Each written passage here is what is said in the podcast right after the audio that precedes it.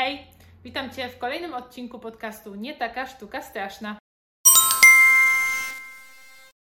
Ostatnio rozmawialiśmy sobie o surrealizmie, czyli jednym z nurtów w sztuce XX wieku, więc dzisiaj idąc za ciosem chciałabym poopowiadać trochę o Salvadorze Dalim, czyli jednym z głównych przedstawicieli tego właśnie nurtu.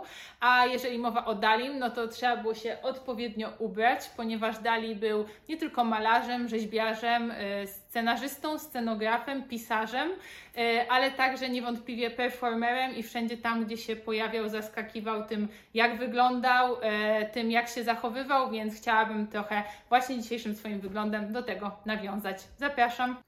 O Dalim powiedziano i napisano już chyba wszystko, e, dlatego dzisiaj chciałabym skupić się na tych mniej oczywistych e, elementach jego biografii, opowiedzieć Wam o ciekawostkach, które kryją się za jego obrazami i pokazać tą e, znaną postać może troszeczkę z innej perspektywy. Salvador Dali to, tak jak wskazałam na początku, z całą pewnością nie tylko malarz, jednak analiza jego obrazów pozwala nam zrozumieć trochę, jakim był człowiekiem, jakie były jego pasje, fascynacje czy też obsesje. Dlatego teraz chciałabym przeprowadzić Was przez kilka jego e, dzieł, które właśnie pokazują nam postać Dalego z może z troszeczkę innej perspektywy niż znacie go do tej pory. Miałam nie mówić o oczywistościach, a zacznę od najbardziej znanego obrazu Salvadora Dalego, czyli Trwałości Pamięci, e, ale być może nie każdy wie, jak on powstawał i co było inspiracją dla stworzenia tego właśnie obrazu. Pewnego wieczoru Salvador Dali wraz z żoną Galą zaprosił do siebie znajomych na kolację. E, ponieważ w trakcie tej kolacji poczuł się niezbyt dobrze, postanowił, że nie pójdzie e, z gośćmi do kina, tylko zostanie w domu. E, być może to była też taka ucieczka, bo faktycznie chciał popracować nad swoim aktualnym obrazem i właśnie postanowił na tym się skupić, kiedy goście wraz z żoną wyszli z domu. I w trakcie tej pracy zobaczył, jak na stole po kolacji roztapia się w słońcu ser camembert.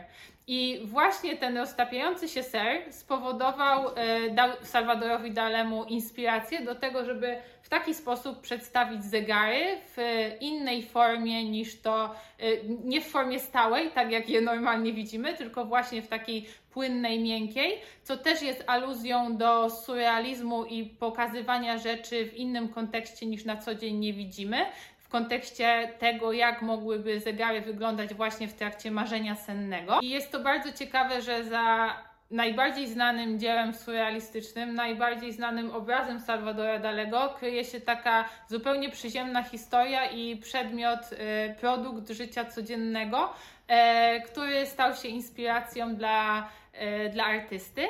I odnoszę się do tego obrazu nie tylko po to, żeby pokazać, jak y, właśnie taka sytuacja zupełnie przyziemna może mieć wpływ na artystę, ale też w kontekście inspiracji i interpretacji, czyli poprzednich podcastów, y, w których mówiłam o tych dwóch pojęciach. I obraz ten pojawił się w dzisiejszym zestawieniu nie tylko ze względu na tą historię związaną z, z jego powstawaniem i z tym, jak Salvador Dali zainspirował się otaczającą go rzeczywistością, ale także w kontekście interpretacji.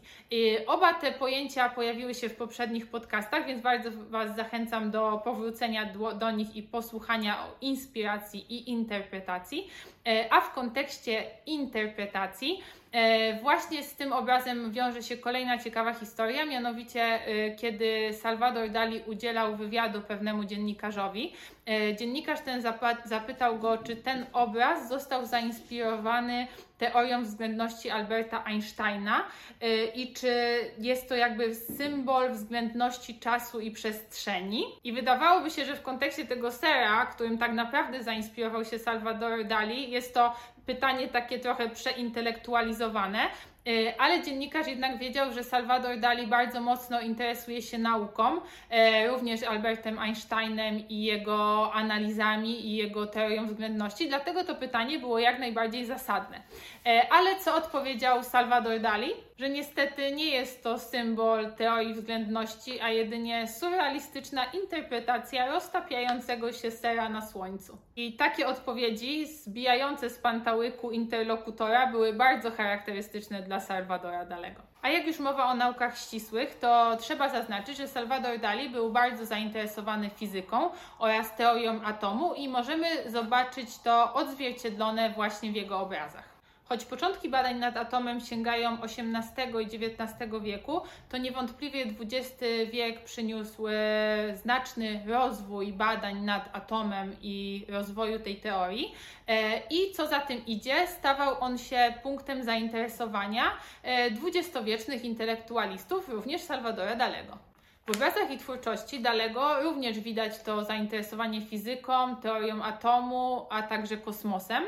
I chciałabym przedstawić Wam kilka dzieł, które właśnie nawiązują do tego i pokazują, y, czym Dali się w konkretnym etapie swojego życia i twórczości interesował. I wybrałam właśnie trzy obrazy, które pokazują, że Salvador Dali niewątpliwie interesował się y, fizyką i właśnie tą teorią atomu. Jednym z nich jest Madonna Rafaela w maksymalnej prędkości i tutaj też inspiracją dla Salvadora Dalego była, y, był obraz malarza Rafaela, który właśnie malował bardzo dużo dużo Madonn. E, poza tym Galatea Sfer Niebieskich, gdzie do, do, do, tego obrazu pozowała Dalemu jego żona Gala, stąd Galatea. E, oraz rozszczepienie atomu. E, jest to obraz, który ma swój podtytuł Dematerializacja pod nosem Nerona. E, I właśnie we wszystkich tych trzech obrazach widać ten element rozszczepienia cząsteczki. Nie jestem mistrzem fizyki, ale właśnie to Salvador Dali chciał pokazać, że tak naprawdę każda materia stała w środku nie jest taka stała, jak nam się wydaje, i tam cały czas pulsuje, pulsuje życie i krążą między sobą atomy i cząsteczki, y, ma, przepraszam wszystkich fizyków. Fascynację Dalego atomem, a także bombą atomową można dostrzec w zdjęciach, które stworzył w kolaboracji z Filipem Alsmanem. Y, I są to dwa zdjęcia. Jedno to jest, jedno zdjęcie to jest bomba ludzka, a drugie to Dali Atomicus. I właśnie efekt tych zdjęć miał być taki jak wywołany bombą, czyli w trakcie wybuchu. Teraz mała dygresja na temat tego, dlaczego nie sądzę, żeby e, dla sztuki można było poświęcić wszystko. I tutaj w kontekście dalego pojawia się temat traktowania zwierząt. Często w, w sytuacjach swoich performance'ów czy pomysłów wykorzystał on, wykorzystywał on żywe zwierzęta e, i nie do końca w sposób humanitarny. I tak też było w przypadku tworzenia zdjęcia Dali Atomicus. E, kiedy to Salvador Dali miał pomysł, żeby właśnie wyrzucać żywe koty, jednocześnie oblewając je wodą. E, no i te ujęcia, w związku z tym, że nie było wtedy efektów specjalnych, musiały być wielokrotnie powtarzane. I tutaj chciałam Wam pokazać właśnie dowód na to, że e, kilka razy albo kilkanaście, podejrzewam, że to jest tylko e, kilka przykładów tego, e, kiedy zdjęcie nie wychodziło, bo na przykład Dali wyskoczył do niego za późno, albo woda nie uderzyła w koty, tylko w dalego, albo na plan zdjęcia weszła sekretarka.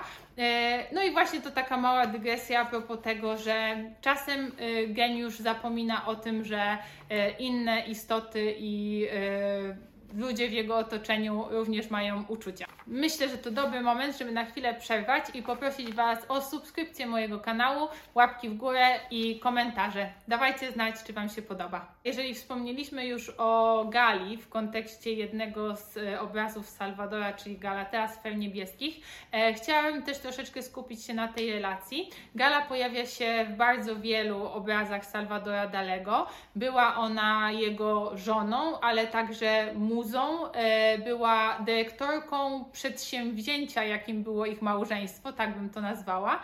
E, była osobą, która e, zajmowała się finansami Dalego, organizowała wystawy, negocjowała umowy, szukała marszandów sztuki, którzy dystrybuowali dzieła Salvadora Dalego. Związek tych dwojga trwał bardzo długo, bo od 1929 roku, kiedy to Salvador Dali odbił e, galę swojemu koledze Polowi Elwardowi do 1982 roku, czyli ponad 50 lat, e, do czasu śmierci Gali. Tak jak powiedziałam, Gala była niewątpliwie muzą Salvadora Dalego, był on nią absolutnie zafascynowany. Myślę, że działało to również w drugą stronę i ona bardzo często pojawiała się jako modelka y, na jego obrazach, uosabiając też m.in. Madonnę. Trzy obrazy, na które chciałabym Wam zwrócić uwagę, to jest y, Madame de Portligat, y, Gala Leda i mój zdecydowanie ulubiony obraz Salvadora Dalego to Galarina. Ten obraz przemawia do mnie kolorystyką, jest ona bardzo stonowana. W moim odczuciu jest on ascetyczny. E, jest to też obraz bardziej realistyczny niż surrealistyczny, w kontrze do tego, co e, na co dzień tworzył Dali. I też dla mnie z tego obrazu przemawia taki niebywały spokój. Mam wrażenie, że on przedstawia trochę relację Dalego z Galą, gdzie ona była właśnie dla niego tą opoką dla jego niesfornego umysłu i nieuczesanych myśli. E, I właśnie ja też jak patrzę na ten obraz, to mam wrażenie, że on mi, on mi daje dużo spokoju i e, jest taką e, informacją, dasz radę, wszystko będzie dobrze, weź głęboki oddech, wszystko się ułoży. Tak, tak ja interpretuję ten obraz. W kontekście fascynacji Salvadora Dalego nauką musi paść również imię i nazwisko Sigmund Freud ponieważ on jest integralnie związany z ruchem surrealistycznym, chcąc nie chcąc, e, ponieważ Freud e, wraz ze swoją teorią interpretacji snów był inspiracją dla surrealistów i właśnie ten surrealizm, o którym rozmawialiśmy w poprzednim odcinku, który bazuje na marzeniach sennych, był był bezpośrednio, bezpośrednio nawiązywał do teorii Zygmunt, Zygmunta Freuda. E, I jednym z przykładów takiego obrazu Salvadora Dalego, który wydaje mi się jest kwintesencją marzeń, marzeń sennych, jest Enigma bez końca. E, I jest to obraz, który właśnie e, zasadza się na tej idei marzenia sennego, na tym, że ten obraz można właśnie trochę oglądać bez końca i doszukiwać się zależności pomiędzy e, przedmiotami, które się w nim znajdują, na nim są namalowane. I tak długo jak patrzymy na ten obraz, możemy w nim odnaleźć różne elementy i też może być tak, że na pierwszy rzut oka ktoś e, dostrzeże e, na nim twarz, a ktoś inny dostrzeże na nim konia, a jeszcze inna osoba puchar, misę taką na nóżce. Więc to jest w tym obrazie niesamowite i właśnie to, że trochę tak wyglądają marzenia senne, że jedno przeplata się z drugim, jedno przenika się z czymś innym, przedmioty przeistaczają się trochę y, tak, trochę bez naszej świadomości. Myślę, że bardzo fajnie sobie usiąść i przez kilka minut e, pooglądać sobie właśnie tą enigmę bez końca, tak żeby e, pobudzić naszą wyobraźnię. W poprzednim podcaście wspominałam także o Velasquezie, który był na, z pewnością inspiracją dla twórców surrealistycznych, również dla Salvadora Dalego. E, był on uważany za najlepszego malarza swoich czasów, o ile nie za najlepszego, jest uważany za jednego z najlepszych malarzów wszechczasów. E, I też był on inspiracją dla Salvadora Dalego. Nie był to przypadek, ponieważ, tak jak powiedziałam, skoro Velázquez był najlepszym malarzem swoich czasów, e, to y, Salvador Dali się nim inspirował, ponieważ Salvador Dali był najlepszym malarzem swoich własnych czasów. Tak przynajmniej uważał. E, I właśnie takimi symbolami, które wskazywały na inspirację Velasquezem, e, był między innymi podpis. To pokazywałam e, w poprzednim odcinku, że podpisy Velasqueza i Salvadora Dalego były bardzo podobne, ale też nie wiem, czy każdy z Was wie, że ten wąs charakterystyczny, który miał Salvador Dali, był właśnie zainspirowany wyglądem Velasqueza. Salvador stworzył również własne Las Meninas, czyli e, na bazie obrazu Velázqueza stworzył swój odpowiednik tego e, jednego z najbardziej znanych obrazów na świecie. Skoro zaczęłam od tego, że Salvador Dali to nie tylko malarz, a już od dłuższego czasu rozmawiam tylko i wyłącznie o obrazach, to chciałabym Wam e, polecić książkę Salvadora Dalego pod jakże zaskakującym tytułem Dziennik Geniusza. Faktycznie książka ta jest pomnikiem wystawionym ku samemu sobie, swojej inteligencji, błyskotliwości, elokwencji e, i z całą pewnością można tutaj podziwiać e, szczerość w nieskromności, czy też nieskromność w szczerości na temat samego siebie.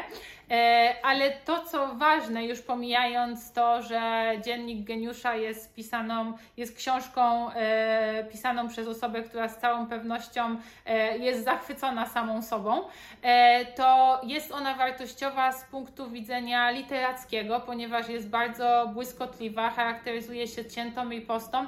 Jest to naprawdę dobrze napisana książka. A co więcej, taka ciekawostka na temat tej książki jest taka, że była ona ona pisana fonetycznie, ponieważ tak też Dali pisał w każdym z języków, którym się posługiwał, po hiszpańsku, francusku czy angielsku. E, I książka właśnie w taki sposób została napisana, ale oczywiście nie traci na tłumaczeniu, ponieważ tłumaczenie dokładnie odzwierciedla to, jakich Dali słów używał, jak formułował myśli, jak konstruował zdania. Więc bardzo polecam Wam tą książkę.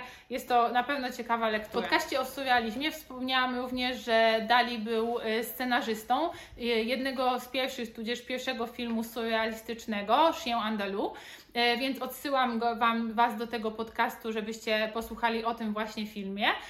Ale Dali był również współtwórcą scenografii do filmu Alfreda Hitchcocka. E, tutaj e, polecajka, możecie sobie zerknąć na tą scenę, ona jest dostępna e, również na YouTubie, żeby sobie zobaczyć, jak ta scena wygląda. I to jest właśnie scena snu, więc jakby aluzja i nawiązanie do surrealizmu jest, jest bezpośrednia.